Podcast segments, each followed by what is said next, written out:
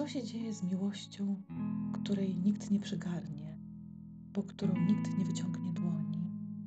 Myśli Magdalena, stawiając na stole błękitny flakonik. Przesuwa palcem po wypukłych zdobieniach, po nitkach złota, cienkich jak kobiece włosy. Zamienia się w niebieską łódkę i płynie po nieboskłonie, mówi znachorka spod lasu. Babcia i jej siostry przyszły szukać u niej rady dla dziewczyny, która choruje z miłości. Znachorka nie umie jej pomóc.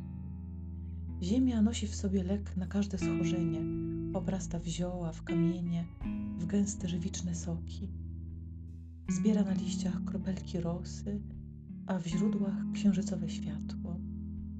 W maleńkich szkatułkach kwiatów i szyszek miesza życiodajne pachnidła. Ale to nie jest sprawa ziemska, mówi znachorka. Niechciana miłość zamienia się w niebieską łódkę i płynie po nieboskłonie, i tylko jeden Bóg wie, dokąd wędruje ta rzeka. A Bóg stoi w wielkim oknie i nie słyszy znachorki ani Magdaleny. W dole, tuż za parapetem, przesuwa się powoli flota niebieskich łódek.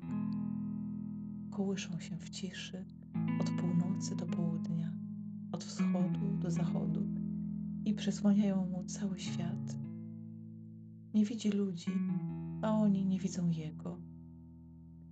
Wiosną łódek przybywa i są takie noce, kiedy nie mieszczą się w brzegach, uderzają o siebie, skrzypią. Bóg nie może wtedy zasnąć. Leży w ciemności i patrzy na cienie, które suną po ścianie.